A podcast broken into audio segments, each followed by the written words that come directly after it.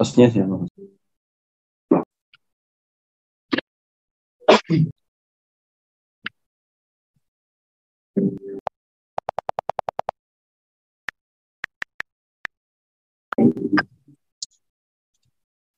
Cek, bismillah. Mikrofonnya ini aja. Nah, mikrofon nggak ada. Bismillah. Kita kita mulai. Hah? Mulai. Mulai. Assalamualaikum warahmatullahi wabarakatuh. Alhamdulillahi rabbil alamin. Wassalatu wassalamu ala ashrafil mursalin. Nabiyyina wa maulana Muhammadin wa ala alihi wa sahbihi ajma'in. وأشهد أن لا إله إلا الله وحده لا شريك له وأشهد أن محمدا عبده ورسوله صلى الله عليه وعلى آله وصحبه ومن تبعهم بإحسان إلى يوم الدين Alhamdulillah, puji syukur kita haturkan kehadiran Allah di kesempatan pagi hari ini bersama Ma'had Imam An-Nawawi di daerah Cisauk ya, kita bisa belajar bersama dan ini di sebuah ruko meskipun mesinnya dekat dari sini. Ini mengingatkan saya kayaknya di negeri non muslim. Jadi belajarnya nyempil-nyempil di ruko-ruko gitu. Karena mereka belum punya masjid. Tapi memang idealnya kegiatan kaum muslimin berada di masjid kaum muslimin. Tapi kalau sekiranya kita belum mendapatkan izin untuk berkegiatan di masjid, maka insya Allah kita bisa melaksanakannya di semua tempat ya di kajiannya Ustaz Aris Munandar rahimah. Namun karena kajian kita terbatas waktunya dan kitab awal ikut talab itu kurang lebih tebalnya ada ya, sekitar kalau di PDF yang saya punya sekitar 90 halaman. Maka kayaknya tidak mungkin di sini bahkan 104 itu sampai akhir dari daftar isi. Kayaknya tidak mungkin kalau kemudian kita selesaikan dalam satu pertemuan. Di kitab awal ikut talab, penulis menyebutkan ada 10 penghalang orang ketika menuntut ilmu. Sehingga kenapa pada waktu dia belajar itu tidak memberikan manfaat besar bagi kehidupannya.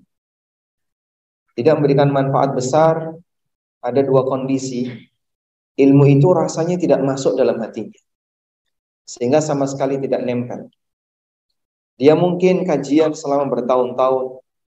Bahkan kita sendiri, bapak-bapak, ikut Jumatan itu selama bertahun-tahun.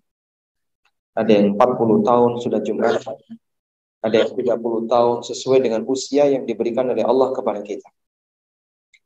Andaikan Jumatan selama 30 tahun itu kita bukukan, semuanya menjadi ilmu yang melekat, maka mungkin akan menjadi karya yang berjilid-jilid. Tapi kita sangat yakin barangkali tidak ada 5% dari Jumatan itu yang melekat dalam diri kita. Sehingga yang dihafal dari Jumatan apa? Allahumma gfir lil muslimin wal muslimat wal mu'minin wal mu'minat. Karena sebelumnya tidur, Pak. Begitu Allahumma gfir, dia bangun. Maka yang diingat cuma itu doang. Yang lainnya terlupakan. Dan di sini ada yang salah dari bagaimana cara kaum muslimin dalam melaksanakan Jumatan jika itu, itu kita sebut waktu ayat 17. Belum berhasil tayang yang zoomnya. Nah, di surat Ar-Ra'du ayat 17, Allah membuat permisalan tentang seperti apa finnari batigha'a hilyatin aw mata'in zabadun mithlu. Kadzalika yadribullah, kadzalika yadribullahu al-haqqa wal batil. Fa'amhabu jufa'a wa amma ma yanfa'un nas fayamkusu fil ard Kadzalika yadribullahu al-amthal. Allah membuat permisalan dalam ayat ini. Dan salah satu di antara metode penjelasan yang ada dalam Al-Qur'an adalah dengan al-amthal, dengan adanya permisalan. Bahkan Allah katakan di ayat yang lain, saya pakai ini dimatikan. Bahkan di ayat yang lain, watil linnas wa ma ya'qiluha illa al-alimun dalam Al-Qur'an. Dan dia tidak paham, maka orangnya bersedih. Dan kemudian beliau menyinggung firman Allah Subhanahu wa taala, "Wa ma yaqiluha illa al-alimun." Tidak ada yang bisa memahaminya kecuali orang yang berilmu. Alat ukur yang bisa kita gunakan salah satunya adalah ini. Anda coba baca ayat yang berisi tentang permisalan. Misalnya kalimatnya daraballahu mathalan Allah membuat permisalan. Anda baca ayat itu, bahannya. Dan selanjutnya renungkan. Di antara tanda orang yang berilmu menurut Al-Quran adalah dia paham permisalan. Kalau permisalan itu kita paham, kita bisa memetik manfaat, kesimpulan dari permisalan tersebut, insya Allah itu bagian dari tanda bahwa kita punya tanda orang yang berilmu. Ya. Sekarang coba kita lihat permisalan di ayat ini. Surat Ar-Ra'du ayat 17. Anzala minas sama iman. Allah menurunkan air hujan minas sama dari as-sama. Makna as-sama dalam Al-Quran ada tiga. Pertama artinya adalah atas. Allah subhanahu wa ta'ala fis sama. Aamintum man fis sama. Apakah kalian merasa aman dengan dat yang berada fis sama? Maksudnya adalah berada di di atas. Yang kedua as-sama maknanya adalah bangunan langit wa futihatis sama'u fakanat abwaba. Yang ketiga makna as-sama adalah awan. Contohnya dalam ayat ini anzala minas sama ma'an. Allah menurunkan air dari as-sama. Maksudnya adalah dari awan. Fasalat audiyatum biqadariha. Maka lembah-lembah yang ada di permukaan bumi itu teraliri dengan air biqadariha sesuai dengan takarannya. Ada lembah yang luas, maka dia bisa menampung banyak air. Dan ada lembah yang sempit, cekungan yang kecil, yang dia hanya bisa. Wa mimma yuqiduna alaihi finnar. Demikian pula, ketika orang mau membersihkan kotoran yang ada dalam perhiasan. Dan apa yang mereka bakar di atas api. Ibtigha'a hilyatin au mata'in dalam rangka mencari emas yang murni atau perhiasan yang murni. Zabadu di situ juga ada kotoran. Kadzalika yadribullahu al-haqq wal batil. Seperti itulah bagaimana cara Allah membuat permisalan antara kebenaran dengan kebatilan. Fa amma zabadu fayadhhabu jufaa. Adapun bagian kotoran maka dia pergi jufaan tanpa ada orang yang memungutnya nggak dipedulikan. Wa amma ma yanfa'un sementara yang bermanfaat bagi manusia fayamkusu fil ard maka dia bertahan.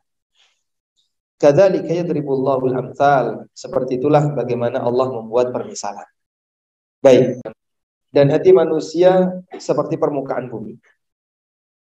Daya tampung manusia terhadap ilmu digambarkan oleh Allah ibarat lembah yang ada di, di muka bumi. Derasnya luar biasa, tapi dia nggak banjir, nggak luber.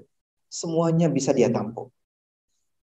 Sehingga ada sebagian di antara hamba. Dia belajar aneka materi.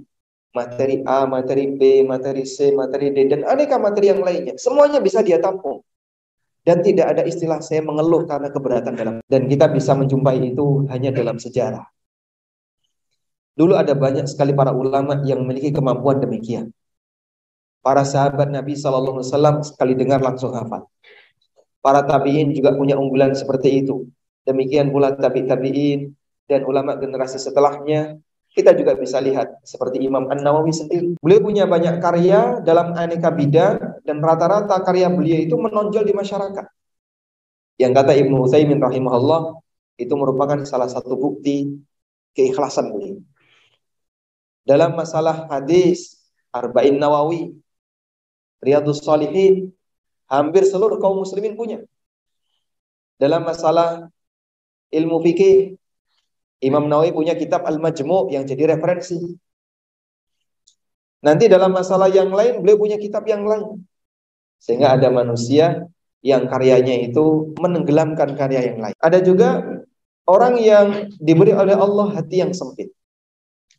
Begitu dia belajar bahasa Arab, masuk ke huruf cer, pusing Pak Ustaz. Padahal baru empat kali pertemuan. Terus mutu. Setelah mutu, ngilang. Habis itu ada pembukaan baru lagi. Pembukaan kursus bahasa Arab. Daftar lagi dia. Sampai huruf jar mutung lagi. Makanya saya menemukan ada orang yang dia itu selalu jadi santri baru belajar bahasa. Di sini santri baru, di sini santri baru. Setiap kali ada pembukaan, biasanya kan yang daftar banyak sekali, Pak. Ya. Pembukaan yang pertama berapa biasanya? 30. Sampai akhir tinggal tiga.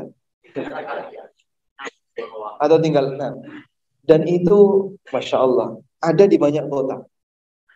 Kalau ada di Cisauk, itu juga ada di Jakarta, ada di Jogja, ada di Surabaya, hampir di semua tempat seperti itu.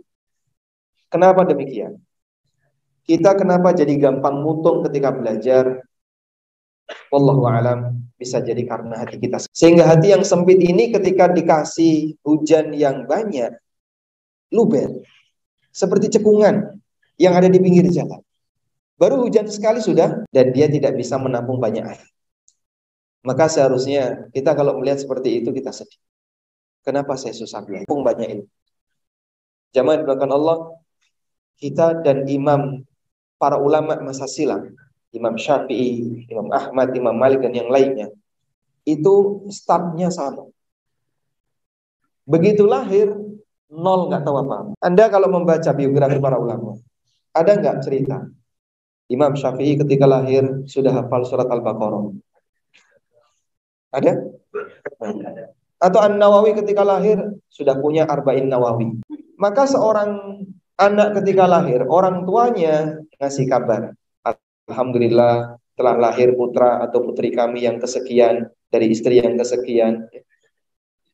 Informasi yang dia sampaikan itu murni masalah fisik. Berat sekian, ukuran sekian. Lahir jam sekian. Rata-rata kan itu ya. Nggak ada Pak kemampuan e, pribadi yang disampaikan. Tidak ada istilah anak saya lahir yang pertama dengan membawa surat Al-Fatihah. Jadi kita dan para ulama kibar Allah mengeluarkan kalian dari rahim ibu kalian dalam posisi kalian nggak tahu apa-apa. Sehingga Imam Syafi'i ketika lahir nggak tahu apa-apa. An-Nawawi ketika lahir juga nggak tahu apa-apa. Imam Ahmad ketika lahir juga nggak tahu apa-apa. Semuanya mulai dari nol. Selanjutnya Allah Subhanahu wa taala mengajarkan kepada mereka ilmu sesuai dengan apa yang Allah kehendaki. Baik. Maka aliran air itu mengangkat kotoran-kotoran di ke permukaan. Bapak Ibu bisa lihat ya. Yang namanya selokan atau sungai ketika kering nggak ada air, yang terlihat di permukaan apa, Pak? Hmm? Sampah. Ada sampah dedaunan, ada sampah domestik, dan aneka bentuk sampah. Begitu hujan itu turun lalu mengisi ruangan-ruangan yang kosong ini, sampahnya lari ke mana Pak? Hanyut bersama. Gambaran itulah yang diberikan oleh Allah Ta'ala. Ketika seorang hamba itu belajar ilmu agama, semakin banyak ilmu yang dia terima, saat deres alirannya, terutama ilmu masalah tauhid yang mengarahkan hamba untuk menjadi hamba Allah yang sebenarnya. Itu akan membuang dan mengikis kotoran-kotoran yang ada dalam hati ini. Sehingga kita bisa lihat ya, kondisi masyarakat jahiliyah sebelum Islam datang. Gimana Pak? Baca sejarahnya saja. Kadang tutup karena ingin menampakkan kehebatannya di permukaan. Biar saya punya status sosial. Biar saya dianggap oleh masyarakat. Agar ini tidak memalukan. Untuk menjaga wibawa, sayangnya itu hilang. Jadi taruhan itu istri dan anaknya. Terus ditunjuk, kamu bapaknya. Anak itu dikasihkan, dia biasa, air yang turun mengikis kotoran-kotoran yang ada dalam permukaan batin. Karena itulah jamaah, kalau ada orang yang belajar. Tapi ketika dia belajar semakin durhaka kepada orang tuanya. Atau mungkin ketika dia belajar membuat dia jadi semakin keras dan kasar kepada sesama muslim. Ada dua kemungkinan. Pertama, yang dipelajari salah. Yang kedua, orang ini gagal paham. Sehingga ada orang yang belajar ilmu agama, tapi kemudian setelah itu mentahdir orang tuanya. Aneh. Membenci orang tuanya, membenci saudaranya tanpa alasan. Dan itu terjadi. Khawarij ketika menjadi khawarij, itu mengkafirkan sahabat. Dan mereka menganggap semakin banyak yang dikafirkan, semakin tinggi derajatnya. Makanya mereka merasa paling hebat, paling suci pada posisi ketika semakin banyak korban bahwa yang namanya ilmu itu punya kemampuan untuk membersihkan kotoran batin. Allah Subhanahu wa taala kemudian beralih kepada perumpamaan yang kedua. Coba ditampilkan ayat Al-Qur'annya. Wa mimma yuqiduna alaihi finnar dan apa yang mereka panaskan di atas api. Ibtigha'a hilyatin dalam rangka untuk mencari emas yang murni. Perhiasan au mata'in atau perhiasan zabadum mithlu di situ juga ada kotorannya. Allah buat permisalan ibarat emas yang di situ ada campurannya. Bagaimana caranya emas yang ada campurannya ini bisa terpisah dari yang bukan emas? Yang dilakukan apa Pak? Dipanasin.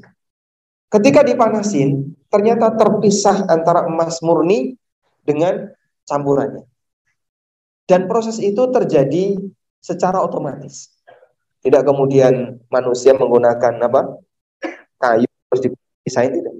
Begitu itu ditaruh, nanti terpisah dengan sendirinya. Sehingga ini menggambarkan bahwa yang namanya manusia itu pasti akan mendapatkan ujian ujian itu panas. Dan ujian itulah kelihatan siapakah orang yang tulus, orang yang jujur, dan siapakah orang yang ada penyakit dalam hatinya. Ketika Nabi Shallallahu Alaihi Wasallam berdakwah di kota Madinah, orang munafik ikut gabung bersama beliau. Hadir ketika sholat jamaah, hadir ketika jumatan. Kelihatan siapa yang munafik dan siapa yang bukan. Waktu kapan? Waktu ada kewajiban jihad. Di saat kaum muslimin mendapatkan ujian jihad, maka di situlah ketahuan siapa yang imannya tulus dan siapa yang punya masalah dengan hatinya. Sehingga mereka yang punya penyakit dengan hatinya menyingkir dengan sendiri. Adanya ujian, maka manusia bisa kelihatan siapa yang orang yang baik sejatinya dan siapa yang orang yang sebenarnya dia punya penyakit dalam dalam kehidupan rumah tangga juga demikian. Itu suami istri ketika mereka hidup dalam posisi normal dan ujian rumah tangga muncul misalnya pendapatan suami berkurang atau ada anak yang sakit atau ada apa di saat itulah baru mulai kelihatan siapa yang punya sifat sabar dan siapa yang enggak maka kenapa kok ketika pengantin baru enggak ada masalah Pak barulah pahitnya mis Nah. Tutup aja pintunya pun. Fa'amma zabatu fayadhabu jufa'a. Adapun yang namanya kotoran dia akan pergi tanpa dipedulikan. Enggak ada orang yang ngoleksi kotoran. Ada nggak Pak orang yang ngoleksi sampah sungai Pak? Begitu banjir, dijaring, bawa pulang. Gitu ada. Ya. Sehingga ketika orang itu belajar ilmu agama, sehingga Allah katakan, amma zabatu fayadhabu jufa'a wa amma ma yanfa'un nas fayamkuthu fil Sampah hilang sedangkan yang bermanfaat bagi manusia tetap bisa bertahan. Maka orang yang belajar ilmu agama, akhlak buruknya menyingkir, akhlak baiknya tidak hilang. Kadang kan ada orang yang meskipun dia nggak kenal agama, tapi dia punya bawaan akhlak yang terpuji. Penyabar, bakti sama orang tua, kemudian apa lagi? Santun, kemudian apa lagi? Royal, dan akhlak-akhlak terpuji yang lain. Maka saat dia belajar, mungkin nggak akhlak seperti ini hilang. Tidak. Akhlak kayak gini nggak hilang. walaupun kadang ada kekhawatiran dari orang tua. Maka Allah Subhanahu wa taala menurunkan wahyu untuk membuat manusia jadi semakin jahat. Begitu, Pak? Tidak. Allah taala berfirman, "Ma anzalnal Qur'ana litashqa." Ma anzalna 'alaikal Qur'ana litashqa. Aku tidaklah menurunkan Al-Quran kepadamu litashqa agar kau jadi orang yang celaka. Sehingga nggak ada ceritanya. Oh, makanya Al-Quran menegaskan, kamu jangan. Pokoknya jangan. Jadi belum nyentuh sudah jangan. Akhirnya dia nggak terbuka. Baik. Di saat itulah karena kecurigaan semacam ini, jadi menghalangi orang untuk mengenal apa yang seharusnya bermanfaat bagi hidupnya.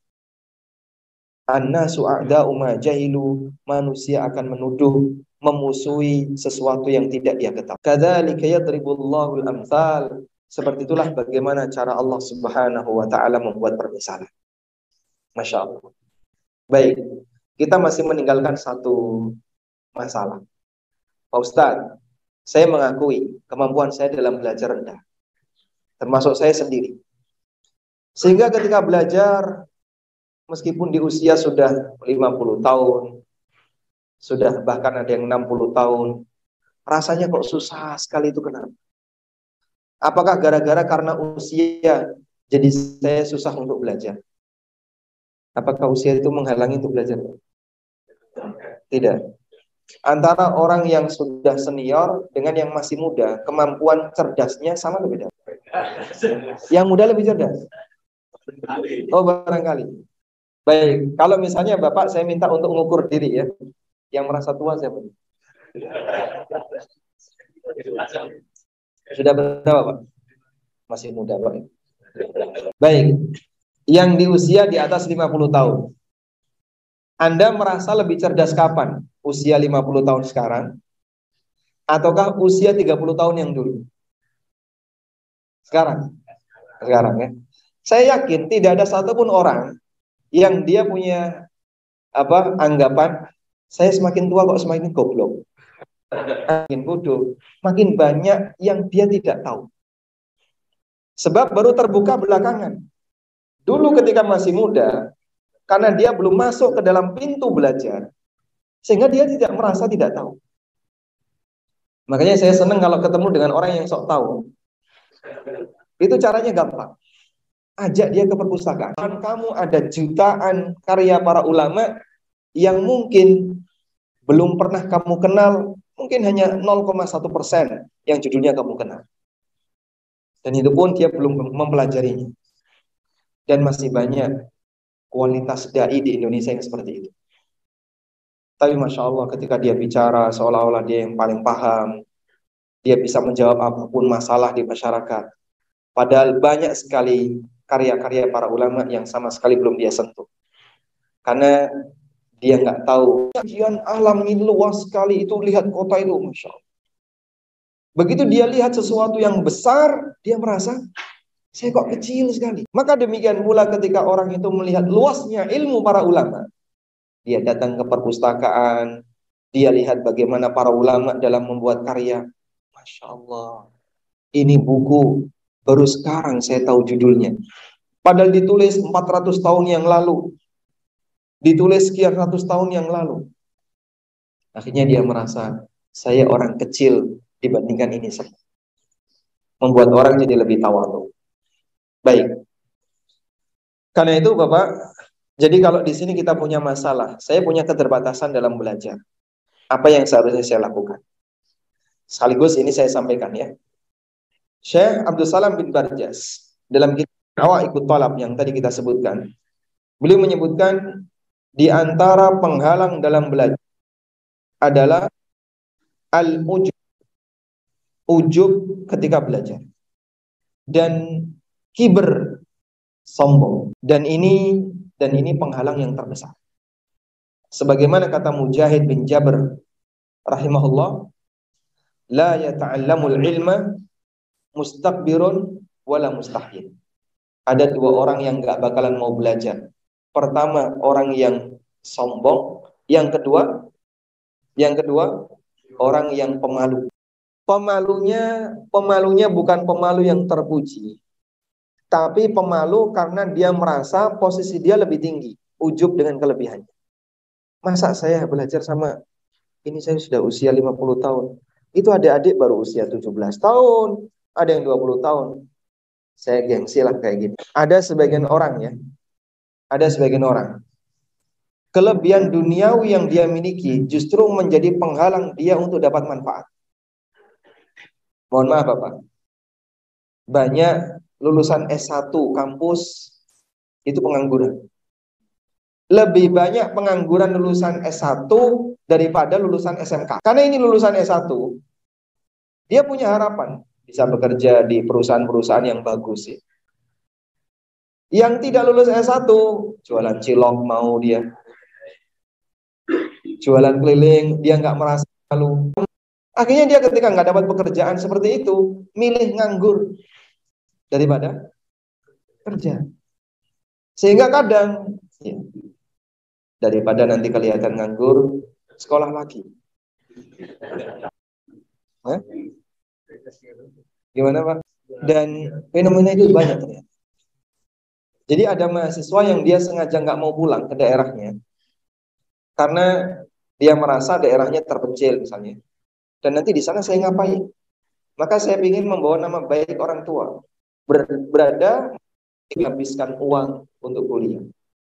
Bagi mereka yang tidak punya orientasi pendidikan yang serius. Dan Allah ternyata itu banyak. Makanya keberadaan rasa malu itu justru menghalangi dia untuk mau belajar, mau untuk kemudian bersikap tawaduk dan seterusnya. Maka yang pertama, hilangkan sikap ini. Dengan cara apa? Miliki sikap tawaduk. Rendah hati itulah yang menyebabkan cekungan tadi jadi semakin dalam sehingga mungkin sempit tapi dalam. Di saat itu di saat itulah air akan masuk lebih banyak. Sampai ada perkataan yang disampaikan oleh seorang ulama, kalau nggak salah di zaman tabi tabiin, bernama Abdullah bin Mu'taz al-Abbasi. Beliau mengatakan, Al-mutawadi'u fi tullabil ilmi aktsaruhum ilman. Orang yang tawaduk ketika belajar. Dia adalah orang yang paling kaya ilmunya. Paling banyak ilmu.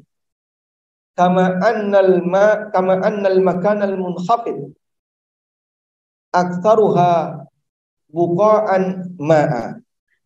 Sebagaimana tempat yang rendah itu menjadi tempat yang paling banyak dialiri air. Sebabkan air punya sifat gimana? Mengalir dari tempat yang rendah ke tempat yang tinggi. Dari sumur ke tandon. Ya, rongan pakai pompa baru dia mau. Barulah ilmu itu masuk ke dalam dirinya karena dia dipakai. Maka jamaah belakang Allah tawaduk ketika belajar ini Masya Allah. Kunci sukses yang luar biasa. Dan saya perhatikan ya, dengan melihat beberapa teman-teman yang ngaji bareng kita atau yang ikut kajian bareng saya, antara murid yang tawadhu dengan murid yang tidak tawadhu kualitasnya beda. Ada salah satu saya pernah ngajar di sebuah pesantren ya. Ada murid yang dia sangat tawadhu. Sampai beliau pernah bilang ke saya, saya itu ketika lulus di sini bingung, saya mau ke mana Pak Ustaz? Saya sebenarnya Lalu setelah beliau diterima di Madinah, ketika pulang, beliau termasuk di antara dai yang cukup menonjol di masyarakat, meskipun beliau paham, saya mampunya hanya ngajar bagian ini, ngajar bagian ini. Jadi merasa tidak masalah ketika ngajar sesuatu dari dasar. Ketemu dengan anak-anak nggak apa-apa, yang penting pokoknya saya bisa ngajar. Ingin menunaikan ilmu. Karena kan kadang ada sebagian orang tuh ketika ngajar materi yang dasar dia nggak mau bagaimana mengatasi apa memberi solusi dalam polusi misalnya dan seterusnya. Dia berharap pengennya materi yang keren. Disuruh nyampein tahsin atau Pak kita nanti Anda diminta untuk ngajar bahasa Arab. Harusnya lebih dari itu saya. Ada orang yang kayak gitu. Jadi posisi dia meskipun punya ilmu, tapi mungkin karakter sombongnya nggak hilang. Sehingga saat dia jadi tokoh, bisa jadi tetap bertahan. Ilmu itu tidak bermanfaat bagi amal. Baik, sehingga jamaah yang Allah Ta'ala, posisi tawadu insya Allah menjadi salah satu di antara kunci sukses dalam belajar. Terus bagaimana bentuk tawadu? Nabi Shallallahu Alaihi Wasallam pernah bersabda, Al kibru batrul haq wa nas. Coba kita buka halaman 40. Rasulullah Shallallahu Alaihi Wasallam pernah mendefinisikan tentang sombong. Beliau Shallallahu Alaihi Wasallam mengatakan al kibru batrul haqqi wa nas. Di buku ini ada. Saya yang namanya sombong adalah orang yang menolak kebenaran dan yadkhulul jannah. Man kana fi qalbihi mithqalu dzarratin min kibrin. Enggak bakalan masuk surga. Orang yang dalam hatinya ada seberat zarrah min kibrin berupa sifat sombong. Ma makna? Apa arti? Hmm? Partikel terkecil atom. Sahabat kenal atom. Hah? Biji sawi. Biji sawi khardal. Kemudian kita apa? Debu yang terbang. Ditangkap nggak bisa. Dan itu yang keluar masuk hidung kita. Mungkin penyakit, tapi Allah melihat. Sehingga kalau belum waktunya sakit, nggak sakit. Terbang-terbang nggak bisa ditangkap itulah dzarrah. Sehingga definisi partikel terkecil yang tidak bisa dipisahkan lagi itu belum kenal sahabat partikel itu apa ya. Baik. Faqala rajulun maka ada orang yang mengatakan inna rajula yuhibbu ayyakuna lahu jamil. Allah itu zat yang maha indah. Yuhib jamal dan menyukai keindahan menyukai keindahan di situ adalah menyukai upaya memperindah. Karena kalau masalah cakep dan tidak cakep itu kan nggak bisa milih kita ya pak. Anda ketika lahir milih wajah nggak? Eh? Gimana? Setelan pabrik. Anda lahir milih wajah atau tidak? Tidak.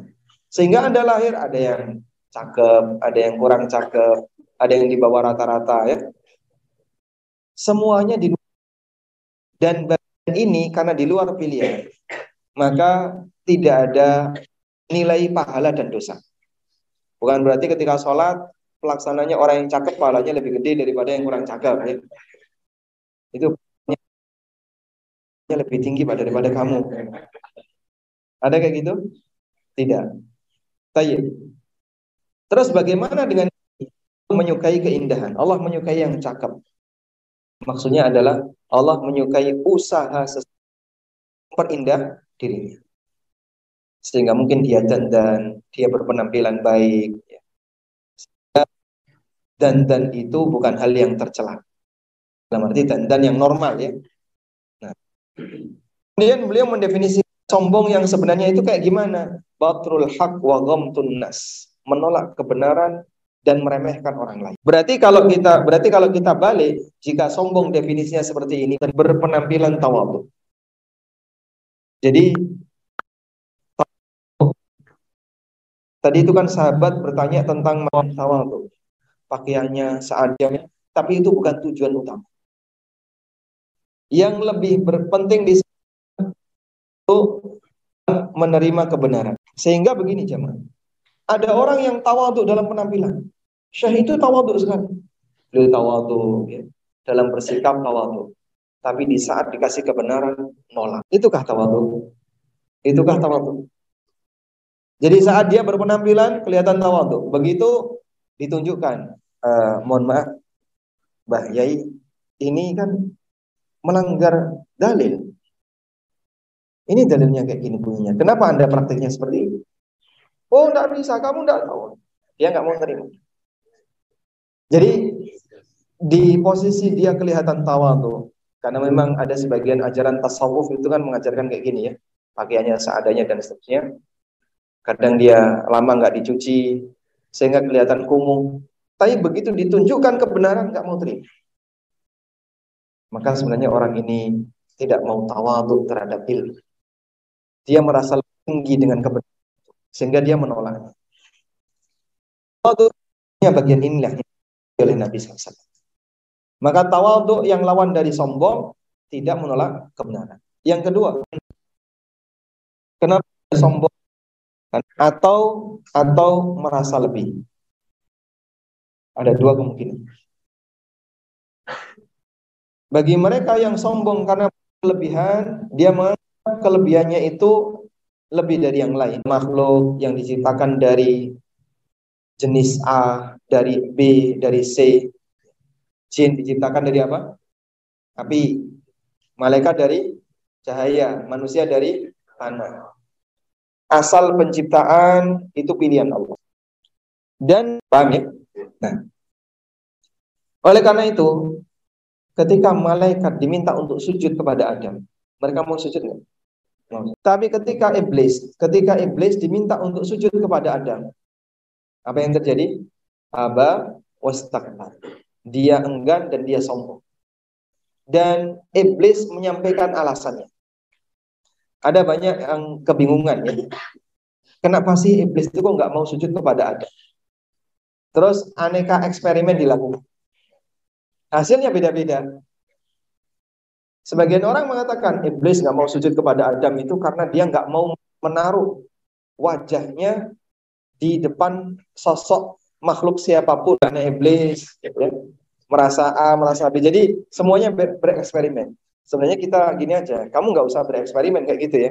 Lihat aja, oh iblis itu ngaku sendiri. Apa sebabnya dia nggak mau sujud? Coba kita lihat ayatnya. Allah Subhanahu wa taala berfirman ketika Allah bertanya kepada iblis. Qala ma mana'aka alla tasjuda id amartu. Allah berfirman, apa yang menghalang sehingga kamu tidak mau sujud ketika aku perintahkan kepadamu? Di Al-A'raf ayat 12. Qala Jawab iblis, ana khairum minhu. Aku lebih baik daripada dia. Khalaqtani khalaqtani min narin wa khalaqtahu Kau ciptakan aku dari api dan kau ciptakan dia dari tanah. Jadi apa sebab iblis nggak mau sujud? Bukan karena untuk menjaga tauhid. Karena dia merasa lebih tinggi dengan melihat asal usul penciptaan. Dan bagian inilah yang dibongkar dalam Islam bahwa sesuatu yang di luar pilihan hamba itu jangan banggakan. Karena hamba tidak punya usaha di sana. Udah? Bagian yang menjadi usaha hamba itulah silahkan dibanggakan. Misalnya, ya, dia berusaha untuk apa, kemudian dia dikasih keberhasilan oleh Allah, dia merasa bangga dengan anugerah Allah seperti itu. Tayyip.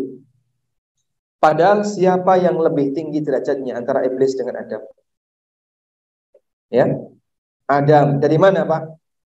Lebih berilmu. Adam lebih berilmu.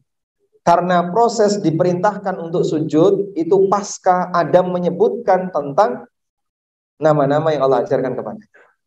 Sehingga begitu kondisinya Adam lebih berilmu, Allah perintahkan mereka untuk sujud. Nah, pada pada posisi ketika iblis itu hasad, dia nggak mau sujud, maka dia punya tekad kuat membinasakan Adam. Dia punya tekad kuat untuk membinasakan Adam dan seluruh keturunan. Dan itulah karakter orang yang hasad. Orang yang hasad bukannya dia berusaha untuk niru sasaran hasad. Itu kok lebih sukses kenapa ya? Saya pengen tahu cara suksesnya gimana. Belajar. Bukan seperti itu, Pak. Orang yang hasad itu mikirnya sebentar lagi rumahnya kebakaran. Sebentar lagi nanti bisnisnya hancur. Jadi yang dipikirkan apa? Kehancuran dari keberhasilan yang dimiliki oleh orang lain. Adam juga menjadi sasaran hasadnya iblis. Maka pada waktu Adam punya kelebihan, iblis hasad. Itu bukan bagaimana caranya iblis punya ilmu seperti Adam. Tapi yang dia lakukan adalah gimana bisa membinasakan Adam. Iblis menyebutkan, "Khalaqtani min narin wa khalaqtahu min tin." Kau ciptakan aku ya Allah dari api dan kau ciptakan dia dari tanah. Baik. Ada orang yang merasa lebih tinggi disebabkan karena nasab. Nasab itu punya kelebihan kan? Nasab punya kelebihan kan? Ada kelebihan. Tapi ini kelebihan di luar pilihan. Dan kelebihan ini ya sebagaimana harta. Orang punya harta itu kelebihan nggak? Punya kelebihan. Namun kelebihan ini menjadi tidak ada nilainya ketika minus takwa. Maka maka Nabi SAW mengatakan, "Waman batta amalu lam yusri bihi nasabu." Siapa yang amalnya telat nggak bisa dipercepat karena nasab. Meskipun dia punya nasab yang baik ya. Dulu nenek moyangnya mungkin ada yang atau simbah-simbahnya, leluhurnya ada yang dulu adalah seorang ajengan besar ya atau ulama kibar. Lalu kemudian keturunannya mendapatkan perlakuan khusus. Tapi kalau ini penjahat, tetap kita sebut penjahat. Baik. Baik. Sehingga nasab di sini bagian dari contoh asal penciptaan. Orang boleh menyebut ini kelebihan, tapi tidak boleh dia katakan saya lebih baik daripada orang lain karena nasab saya. Selanjutnya, jamaah yang Allah Subhanahu wa taala, di antara itu datang dari Allah. Dan Allah tidak ridho ketika ilmu itu digunakan sebagai saranya, sebagai sarana untuk berbuat syirik kepadanya. Dan makna ikhlas di sini bisa artinya adalah membersihkan bentuk peribadatan. Hanya menyembah Allah. Bisa juga bisa juga maknanya adalah ikhlas dalam tujuan. Hanya untuk Allah. Maka orang yang belajar tapi untuk kepentingan manfaat. Di buku Awaikut Talab, Syekh Abdul Salam bin Barjas rahimahullah menyebutkan banyak sekali ya asar tentang ini. Coba kita lihat di antaranya. Dari sahabat Abdullah bin Mas'ud radhiyallahu anhu, beliau mengatakan, "Lau anna ahlal ilmi sanul ilma."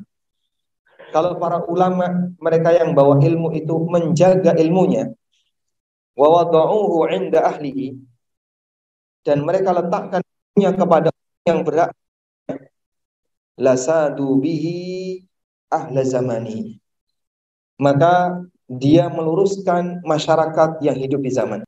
Andaikan para ulama menjaga amanah ilmu ini dan tidak memberikan kecuali kepada yang berhak karena terkadang ada orang yang tidak berhak dapat ilmu melihat karakternya melihat dari orang-orangnya ini nggak layak untuk di, dikasih ilmu agama. Dan ada orang yang dia punya karakter layak diberi ilmu agama.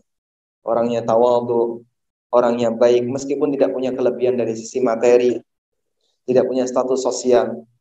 Tapi ulama ini lebih memilih ulama atau lebih memilih murid yang karakternya seperti yang kedua. Kata Ibn Mas'ud, maka nanti generasi masyarakatnya akan lurus.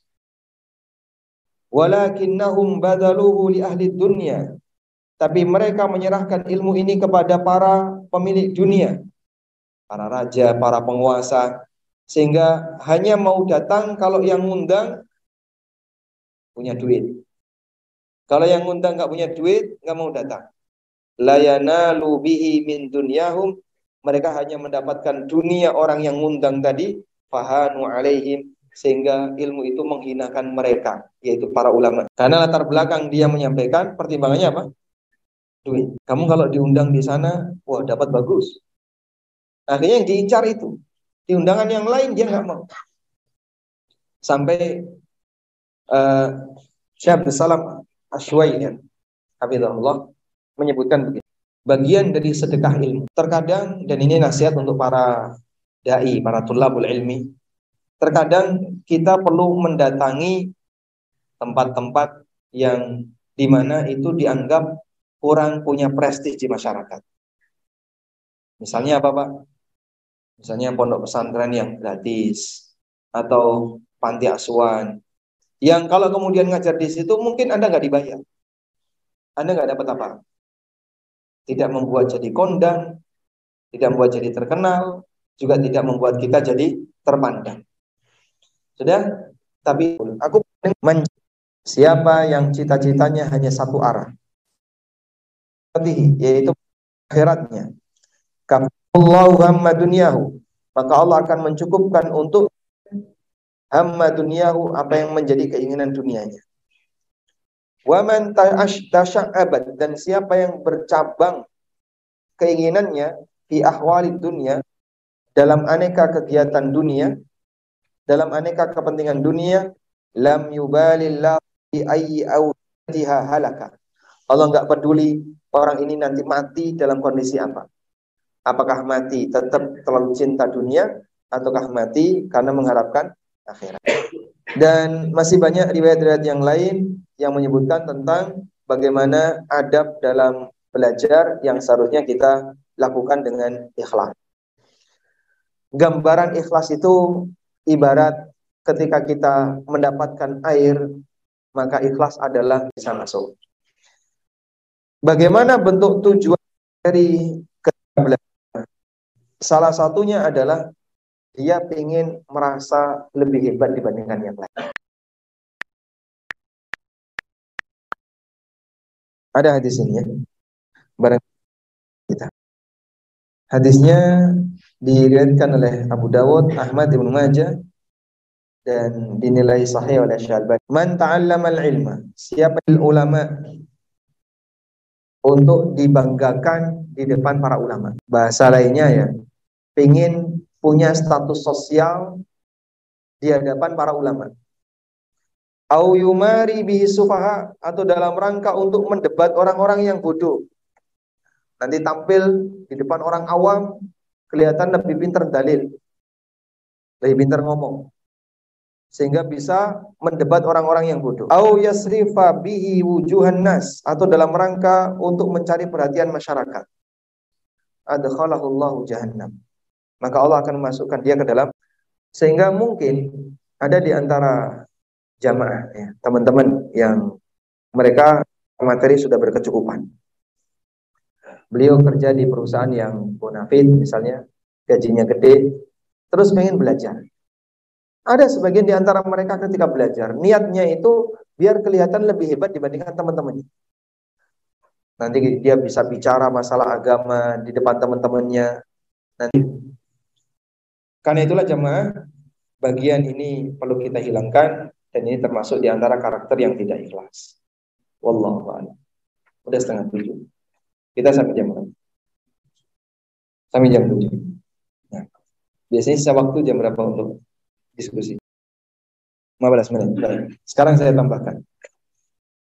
Selanjutnya, di antara bentuk awak ikut tolak, penghalang yang lain ketika belajar. Syekh Abdul Salam bin Barjas rahimahullah menyebutkan penghalang yang kedua adalah tarkul amal. Tidak mengamalkan ilmu. Sehingga ilmu itu tidak membuahkan, tapi tujuan kita belajar adalah dalam rangka apa? Untuk diamalkan. Coba kita lihat di sini. Dari Abu Barzah Al-Aslami radhiyallahu anhu, Rasulullah sallallahu alaihi wasallam bersabda, "Kamu dikasih waktu ngapain aja?" Wa an ilmihi fima fa'ala bi. Allah akan bertanya kepadanya tentang ilmunya. Sejauh mana ilmu itu dia amalkan. Maka bima abla dan dia akan ditanya oleh Allah tentang jasadnya. Untuk apa jasad itu dia rusak. Kau dikasih waktu muda, kau dikasih waktu muda ke mana saja? Kau dikasih fisik yang sehat ke mana saja? Ada sebagian orang yang ketika dia sudah merasa tua, diajak belajar serius, maka dia beralasan dengan tuanya. Pak Ustadz, materinya jangan berat-berat. Saya sudah tua. Pak, kenapa kalau sudah tua, Pak? Apakah sudah tua itu boleh jadi alasan untuk belajar yang serius? Dulu mudanya ke mana saja Bapak ini? Ya seharusnya kan Bapak datang dulu waktu masih muda, masih produktif ya, masih seger, masih lincah. Kamu ke mana aja dulu? Kok baru datang sekarang? Dolanan terus ya. Dia mungkin ketika mudanya itu fokus untuk kegiatan murni dunia. Kerja di sini ya, kerja di sana.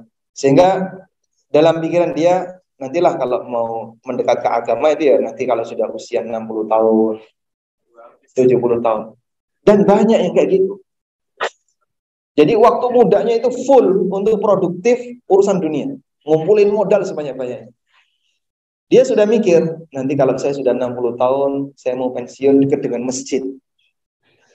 Kalimat pensiun dekat dengan masjid itu kan mau mendekat ke agama di usia setelah tua. Padahal belum tentu baterainya sampai usia 60 tahun.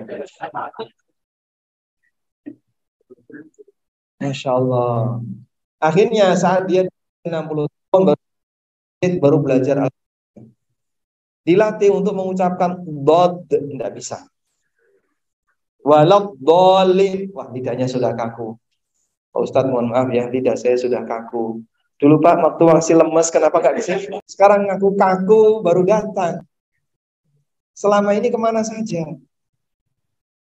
Itu akan ditanya oleh Allah. Gimana Bapak? Jangan sampai terlambat. Alhamdulillah kalau belum terlambat. Dan bayangan itu banyak. Saya pernah tanya ya kepada salah satu ASN. Karena saya itu kaget ya, atau merasa heran. Kita itu kan yakin, mereka tahu kalau uang suap dan seterusnya itu haram, itu mereka tahu. Riswa, sogok, suap, mereka tuh yakin haram. 100% yakin. Makanya itu semuanya dilakukan diam-diam, rahasia, jangan sampai ada ketahuan orang lain. Uang halal itu kan nerimanya terbuka ya. Terima kasih, alhamdulillah sudah dikasih. Uang haram nerimanya tersembunyi. Sehingga dia tahu itu. Terus saya itu merasa heran. Dia itu tahu kalau ini haram. Kenapa setelah nerima, besok nerima lagi, nerima lagi. Dan itu dinikmati. Dia bersama keluarga. Jadi nafkah dia untuk keluarga. Apa mereka nggak takut dengan dosa ini? Terus ASN ini bilang, sebenarnya mereka tahu Pak. Tapi mereka punya pikiran, tobatnya nanti setelah tua. Masya Allah. Jadi bayangan tobat setelah tua itu memang betul-betul ada. Ada orang yang sengaja melakukan hal yang dilarang, haram, dia tahu itu dosa, dan dalam apa harapan dia, dalam dalam rencana dia, nanti setelah saya di usia sekian saya akan berhenti dan tobat. Yang mau mendekat ke agama juga seperti itu. Allah bakal tanya. Hatta yus'ala an umri, dia akan ditanya oleh Allah tentang waktunya. Fi maafnah, untuk apa waktu itu dia gunakan. Baik. Nah, di sini kita bisa lihat salah satu di antara yang akan ditanya oleh Allah adalah tentang ilmunya. Sejauh mana dia amalkan ilmu. Kemudian juga disebutkan dalam riwayat yang lain dari Abu Darda radhiyallahu anhu. Beliau pernah mengatakan, "La takunu aliman hatta takunu hatta takuna muta'alliman." Orang tidak akan menjadi orang yang alim sampai dia rajin belajar. Wala takunu bil ilmi aliman hatta takuna biha amila. Dan orang tidak akan disebut berilmu terhadap apa yang sudah dia pelajari sampai dia amal. Lianna ghayatul ilmi lianna ghayatul ilmi amalu. Karena tujuan dari belajar adalah untuk yang Anda hafal doa tertentu Anda hafal misalnya doa ketika masuk toilet dengan si A yang tidak hafal tapi sama-sama tidak mengamalkan. Jadinya apa? Nilainya sama. Makanya kata Abu Darda, yang sudah punya ilmu tapi tidak diamalkan, nggak disebut alim, tidak disebut orang yang berilmu. Ali bin Abi Thalib radhiyallahu anhu mengatakan, "Hatafal ilmu bil amal." Ilmu itu membisikkan irtahala, maka ilmu itu akan pergi.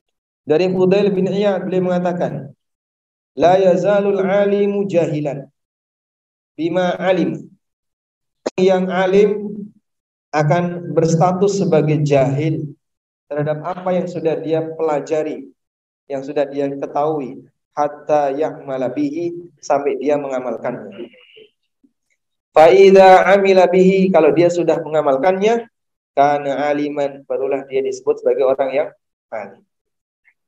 Dan masih banyak yang lain jamaah. Ini apa ini? Dan orang yang orang yang mengamalkan ilmunya, maka itu akan membuat ilmu tadi lebih bertahan. Sebagaimana pengakuan yang disampaikan oleh Imam Ash-Sha'bi. Ash-Sha'bi rahimahullah mengatakan, Kunna nasta'inu ala hifdzil hadis bil amali bihi. Kami dulu menggunakan cara untuk menghafalkan hadis dengan mengamalkan. Dapat satu hadis diamalkan. Dapat satu hadis lagi diamalkan. Wa kunna nasta'inu ala talabihi bis Dan kami dulu menggunakan cara untuk mencari ilmu itu dengan cara banyak banyak puasa.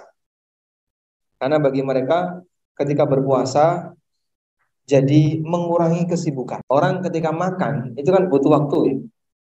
Dulu dengan sekarang Pak, orang lebih boros waktu makan sekarang. Sehingga urusan makan itu bisa sampai eh, satu jam itu di warungnya. Belum perjalanannya. Di sana ada sate enak, datang ke sana ya. Macet, Sampai sana antri. Itu rela berdiri panjang. Sebentar Pak ya, antri. Mejanya baru dipakai orang. Yang ngantri. Setelah ngantri dia makan. Saat dia makan, lama dia. Proses makannya saja bisa satu jam. Dan makan itu kan gaya hidup. Ya. Dan gaya hidup itu sejak masa silam. Di zaman Nabi SAW, makan itu sudah menjadi gaya hidup. Makanya Nabi SAW tidak mau makan niru seperti raja. Tapi beliau kalau makan gimana Pak? Beliau kalau makan gimana? Memilih sikap seperti Bu. Ya. Sehingga tidak tidak duduk bersandar, tidak menggunakan kursi, tapi di bawah. Kemudian tidak menggunakan wadah hidangan yang lebar seperti layaknya para raja. Karena Rasulullah SAW ingin menampakkan tawaduk ketika makan. Gaya hidup itu bergeser sampai sekarang. Ada orang yang makan dan dia menampakkan gaya hidup. Lama sekali makannya. Ngegrill. Ngegrill itu butuh waktu berapa? Eh? Lama, bisa sampai satu setengah jam itu sekali makan. Baik. Maka dulu para ulama sampai urusan waktu saja agar dia belajarnya lebih maksimal, mereka puasa. Biar enggak hilang waktu untuk belajar hanya karena majelis libur. Akhirnya berpindah ke majelis berikutnya, tapi karena waktunya masih panjang, jalannya santai. Di jalan ketemu ada orang jual ikan. Kemudian mereka beli ikan ini. Kemudian dibawa pulang. Begitu sampai di kos-kosannya, di rumah kontrakan, waktunya majelis yang kedua. Akhirnya mereka tinggalkan ikan itu dan menuju majelis yang kedua. Sudah? Begitu majelis kedua sudah datang waktunya majelis yang ketiga. Terus seperti itu mubeng terus selama tiga hari sampai ketika dalam posisi tiga hari itu mereka nggak khawatir nanti akan menyanyiakan ini ikan. Nggak sempat untuk dia masak. Andai kan bukan karena khawatir menyanyiakan harta, mereka akan buang. Tapi karena alasan ini ikan itu dimakan mentah. Ya kurang lebih seperti itulah bagaimana cara para ulama menjaga waktunya. Ada juga seorang ulama yang nggak sempat untuk makan. Jadi waktunya habis bersama dengan buku, nyalin terus tiap hari. Ada buku dia salin, ada hafalan catatan dia salin. Dia salin terus sampai karena nggak sempat ketika makan disuapin saudarinya karena dia belum nikah. Sehingga kakaknya atau uh, adiknya yang perempuan yang nyuapin dia. Disediakan makanan nggak disentuh. Akhirnya disuapin biar orang ini makan. Subhanallah. Kita nggak kayak gitu ya. Waktu makan itu apa? Waktu yang paling banyak kita buang. Makanya kalau makan ya sebaiknya uh, Anda cari warung yang sepi, yang murah, mengenyangkan. Dan enak kalau enak rame biasanya. Wallahu a'lam. Baik, mungkin demikian yang bisa kita sampaikan. Semoga bermanfaat. Wassalamualaikum warahmatullahi wabarakatuh.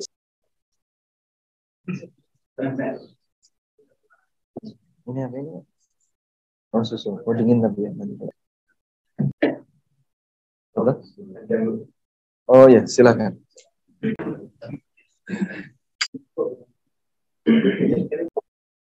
Atau. Ya. Tidak apa, tidak apa. Tadi bertanya tadi, jadi uh, mungkin mewakili uh, teman-teman yang sudah usia senior dan yang juga masalah masalah waktu penjara. Nah, alangkah dan sekiranya sudah apa fadilahnya bagi penduduk yang tersuyuk ini Apa fadilah menuntut ilmu yang sudah tua ya? Dari beberapa yang kita pelajari juga ada para fuqaha yang saya senja dan kami juga mungkin kami telat ya. Karena kami juga dapat Insyaallah. Baik. Barakallahu fiik. Jadi tidak ada maksud saya untuk nyindir dalam pernyataan tadi. Waktu muda ke mana saja. Itu maksudnya bukan nyindir, tapi nyentil loh. Cuman begini ya, jika kita uh, belajar, maka yang kami harapkan jangan jadikan tua itu sebagai alasan untuk tidak mau menerima. Yang sering terjadi yang kayak tadi, tolong Ustadz uh, jangan berat-berat, saya sudah tua. Nah ini kan jadinya dia menghalangi dirinya untuk mau menerima materi itu dengan alasan usia dan kita nggak setuju Pak ya. Siapa pun bisa belajar dan tidak ada batas usia maksimal untuk belajar. Maka dalam posisi ini ketika Anda bergabung dengan majelis ilmu di usia yang sudah cukup senior, Alhamdulillah Allah masih bukakan hidayah untuk yang muda pahalanya setengahnya nggak ada. Tapi semua yang belajar ilmu agama, insya Allah akan mendapatkan keutamaan belajar ilmu agama. Di mana pun dia berada, di usia berapapun dia ada.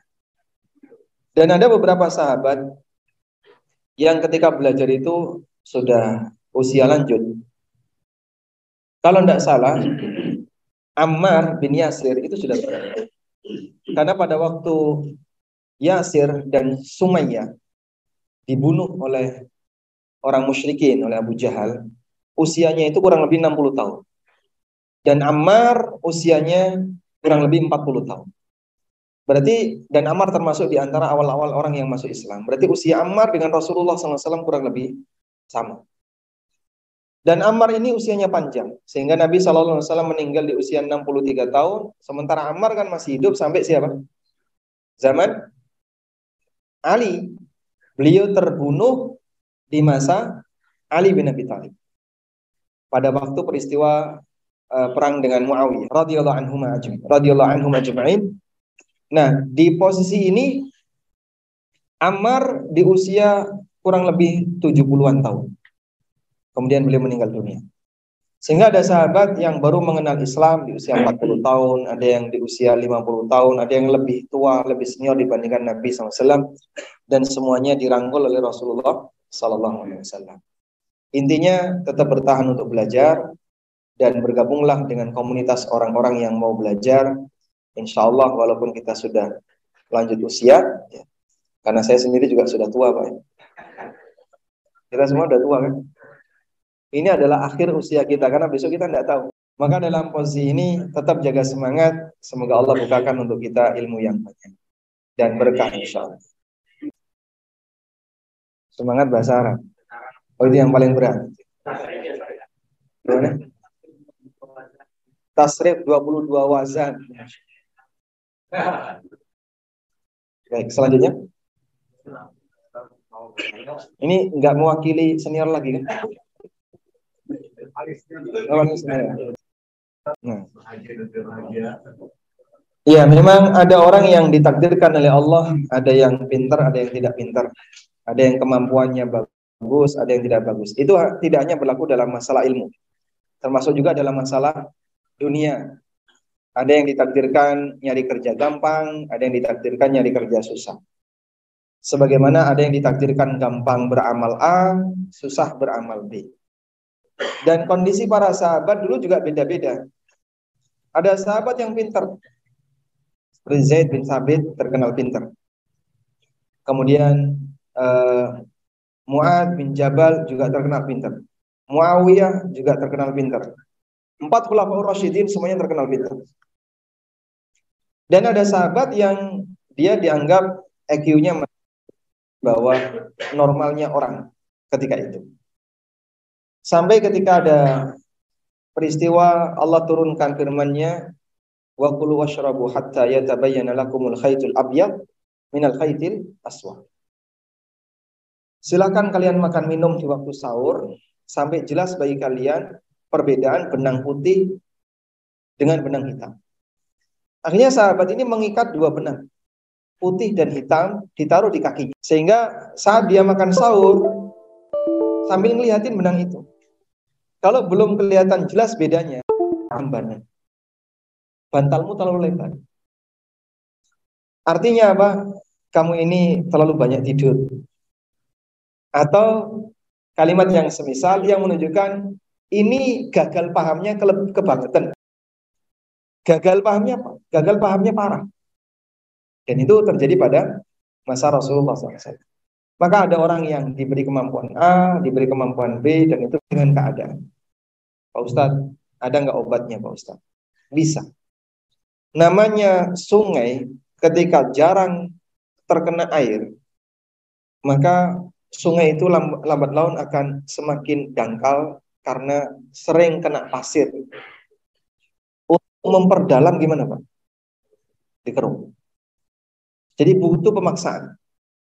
Saya bisa katakan proses ngeruk dan memperlebar sungai itu adalah kita memaksakan diri dengan tantangan. Maka mungkin Bapak bisa khususkan waktu. Saya akan maksimalkan untuk menghafal. Berani dengan tantangan. Mungkin di tahap awal terasa berat. Antum bisa tanyakan kepada para penghafal Quran. Penghafal Quran khususnya yang baru bergabung di SMP atau SMA ke atas. Awal mulanya menghafal tiga ayat itu susahnya luar biasa. Pak saya sudah berusaha tiga ayat nggak masuk masuk buat masuk. masuk sebentar lupa lagi. Awal mulanya kayak gitu. Akhirnya mereka ketika tahap awal hafal dua ayat, tiga ayat. Lambat laun ketika sudah sering hafal satu muka setengah jam. Dan banyak yang kayak gitu, Pak. Sehingga dia nggak menyerah dengan keberadaan keterbatasan dirinya karena ketika belum terbiasa terkadang orang merasa berat. Dan itulah yang dialami beberapa ulama besar ya, seperti Al-Kisai yang dulu sampai pamit sama gurunya ketika mondok lalu belajar berkali-kali kok nggak bisa-bisa akhirnya pamit sama gurunya saya kayaknya bukan orang yang tercipta jadi ulama pamit biar saya pulang mau jadi pedagang saja. Di perjalanan, beliau lihat apa? Ada semut yang ngangkat, ini semut otaknya tidak lebih gede daripada saya. Semut mampu membawa makanan yang berkali-kali jatuh tadi dengan usaha yang dia masa saya nggak bisa. Akhirnya balik. Lalu dia bertekad untuk belajar dengan serius, masya Allah. Jadi kibar dalam masalah ilmu kiraah. Maka salah satu kiraah yang muktabar adalah kiraahnya Al-Kisai. Sehingga di sini jamaah kita bisa lihat bahwa keterbatasan itu tidak menghalangi tidak menghalangi mereka untuk belajar. Uh, Assalamualaikum Ustadz. Uh, sebelumnya terima kasih sudah menyempatkan waktunya. Yuki, saya izin bertanya Ustadz uh, terkait uh, penghalang ilmu. Bagaimana hukumnya jika saya ya, kami ini tidak ingin menyampaikan ilmu Ustadz. Maksudnya ilmu itu saya mau apakah itu termasuk penghalang ilmu gitu? Tidak mau menyampaikan ilmu. Baik. Apa hukumnya tidak mau menyampaikan ilmu? Ilmu itu amanah. Dan menyampaikan kebenaran hukumnya oleh karena itu Allah Subhanahu wa taala melarang kita menyembunyikan ilmu yang kita punya. Sehingga kalau Anda sudah memiliki ilmu, maka sampaikan kepada orang lain yang mampu Anda jangkau agar menghindari ancaman menyembunyikan ilmu. Nabi wasallam mengatakan, "Man katama ilman bima 'allamahu Allah, aljamahu Allahu bilijamin minan nar." Siapa yang menyembunyikan ilmu yang telah Allah ajarkan kepadanya, maka Allah akan memberikan tali kekang kepadanya dengan tali kekang dari neraka. Dan bentuk menyembunyikan ilmu itu yang pertama, mengetahui kebenaran tapi tidak disampaikan. Misalnya dia di majelis, dia tahu masyarakat ini punya penyimpangan A, tapi karena takut nanti kalau itu saya sampaikan saya akan diusir oleh masyarakat. Akhirnya dia nggak mau menyampaikan itu. Bahkan dia berusaha untuk nutup-nutupi. Ya. Misalnya Dia diundang oleh uh, apa artis misalnya. Nah, pekerjaan artis ini pemusik. Terus ditanya, apa hukum musik? Ketika ditanya hukum musik, dia tahu kalau musik itu ijma ulama haram. Bulat dulu, bulat, bulat, bulat, bulat. Akhirnya gak metu-metu. Yang bulat terus. Jawaban gak ada kesimpulan. Saya pernah lihat itu video ada uh, tokoh di tempat kita yang ditanya tentang hukum rokok. Dan beliau ini setahu saya ya, orangnya nggak ngerokok. Wallahu alam kalau anti rokok saya nggak tahu. Tapi bulat itu jawabannya, bulat bulat ini bulat kak. Itu mungkin ada setengah jam hanya menjawab satu pertanyaan apa hukum rokok itu bulat terus. Karena di depannya ini perokok semua, kecuali yang ibu-ibu ya. Jadi dia berhadapan dengan kepentingan masyarakat yang ada di depannya. Ini kalau saya berani mengatakan dengan tegas, namanya hukum kan tegas. Ya. Tapi dia bulat. Kalau ada kasus kayak gini gimana? Kalau ada kasus kayak gini gimana? Menurut kamu bagaimana? Jadi sambil tanya kepada mereka, masyarakatnya yang nggak nggak jawab jamaahnya. Tapi bulat seperti itu. Akhirnya saya berkesimpulan orang ini nggak jujur. Kalau memang yang beliau tahu itu haram, sampaikan. Mohon maaf, ini haram. Masalah mereka mau menerima atau tidak, urusan mereka. Tapi karena nggak berani bilang dengan tegas, akhirnya nggak ada kesimpulan yang bisa diambil. Ketakutan dan itulah karakter Yahudi di masa silam. Karakter Yahudi ya. Saya tidak mengatakan berarti tokoh ini Yahudi pak, bukan ya. Dia Muslim. Cuman kadang kan karakter seperti itu bisa jadi muncul pada sebagian tokoh masyarakat. Maka dia menyembunyikan ilmu yang dia ketahui nggak berani dia sampaikan. Atau yang kedua, bentuk menyembunyikan ilmu adalah dia nggak mau ngajar. Nah yang kayak gini juga nggak boleh. Sehingga ketika anda tahu, ajarkan kepada masyarakat karena ini bagian dari Syekh Muhammad Amin Asyingkiti, rahimahullah, pernah ngawasi ujian. Lalu ada salah satu mahasiswa yang tanya kepada beliau, Syekh, soal ini jawabannya apa? Dikasih tahu pak. Jawabnya ini. Lo kenapa boleh ngasih tahu? Saya takut dengan hadis Nabi SAW. Man kata ilman aljamahullahu bili jamin minan nar. Barang siapa yang menyembunyikan ilmu maka Allah akan berikan tali kekang kepadanya dengan neraka. Ujian sampai tanya itu lo dikasih tahu. Subhanallah. Tapi kemudian diluruskan sama ulama yang lain, ya silahkan ngasih tahu tapi setelah waktunya ujian habis. Nah, berarti kan tidak menyembunyikan ilmu. Menunda jawaban boleh. Tapi kalau tidak menyampaikan nggak boleh. Nah, mereka pakai dalil tarkul uh, apa? Tarkul bayan fi waktil hajah memnu. Tidak ngasih penjelasan di waktu yang dibutuhkan dilarang. Saya butuh jawaban tadi bukan sekarang. Kalau sekarang udah nggak butuh jawabannya. Masya Allah. alam. Nah, baik mungkin demikian yang bisa kita sampaikan. Semoga bermanfaat. Ini ada buku Matan Nabi Syuja. Matan Nabi. Buku ini fikih madhab apa? Syafi'i. Pertanyaannya. Kan udah kelihatan ya ada tulisannya Syafi'i. Gampang jawabnya. Pertanyaannya siapa nama asli Imam Syafi'i? Muhammad bin Idris Asy-Syafi'i. Dari suku apa? Dari suku apa? Nah, dapat. Baik, selanjutnya beliau alul bait ya. Kita usul salah saqwaidul arba dan uh, apa resiko tidak paham permisalan dalam Al-Qur'an? Nah, apa resiko tidak paham permisalan dalam sulit dalam menerima ilmu, bukan itu. Sulit dalam memahami, iya tidak paham isinya. Resikonya bukan itu. Silakan belakang. Sama semua itu. Allah Subhanahu wa taala berfirman, "Wa ma yaqiluha illal alimun." Orang yang enggak paham permisalan tidak disebut orang yang berilmu menurut Al-Qur'an. Baik. Selanjutnya, apa makna kata as-sama dalam Al-Qur'an? Sudah tadi. Tiga. Langit. Langit. Atas. Arah atas. Nah, buku Mukhtasar Latif. Pertanyaannya, bagaimana atau sebutkan ayat yang yang menjelaskan bahwa manusia mulai dari nol. Wallahu Wallahu Tadi sudah dapat tadi ya kan? Sudah. Baik, saya ganti ya. Saya ganti. Sebutkan tiga penghalang dalam belajar. Sombong, ujub, malu, Baik, kembalikan hadiahnya. Pertanyaannya tiga, anda empat. Syarah Fadlul Islam. Baik, uh, pertanyaannya sebutkan uh, empat hal yang akan dihisap di hari kiamat. Yang hadisnya tadi kita sudah bacakan. Yang senior mana?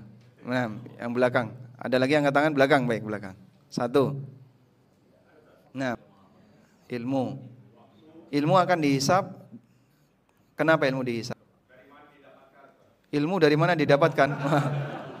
Mendapatkan ilmu dengan cara haram. Ilmu dihisap bagian mana yang dihisap? Waktu. Uh, baik, coba kita ganti. Umurnya digunakan untuk apa? Jasad dirusak untuk apa? Sejauh mana ilmunya, sejauh mana diamalkan. Satu lagi, harta dari mana dan Weh, boleh pulang duluan. Tapi mungkin demikian yang bisa kita sampaikan. Semoga bermanfaat. Barakallahu fikum jami'an. Tetap jaga semangat ya untuk belajar. Wassalamualaikum Muhammadin wa ala alihi wa sahbihi. Wa akhiru da'wana rabbil alamin. Wassalamualaikum warahmatullahi wabarakatuh.